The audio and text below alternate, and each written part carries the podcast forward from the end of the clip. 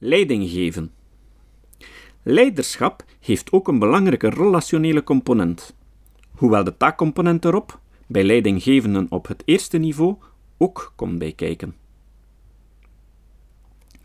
Als men het heeft over leidinggeven, dan bedoelt men in de praktijk vaak het gedragsniveau wat zich afspeelt op de vloer. Hoe gedragen de verschillende hiërarchische niveaus zich? Het eerste lijnsmanagement of de managers die het dichtst bij het operationele werk staan, het middelmanagement en de directie. Het meeste veldonderzoek werd bij het middelmanagement uitgevoerd, terwijl men in laboratoriumsituaties meestal met studenten werkt in een vrij eenvoudige setting. Eenvoudige taken. Wat met andere woorden in het bedrijfsleven meer overeenkomt met het operationeel management.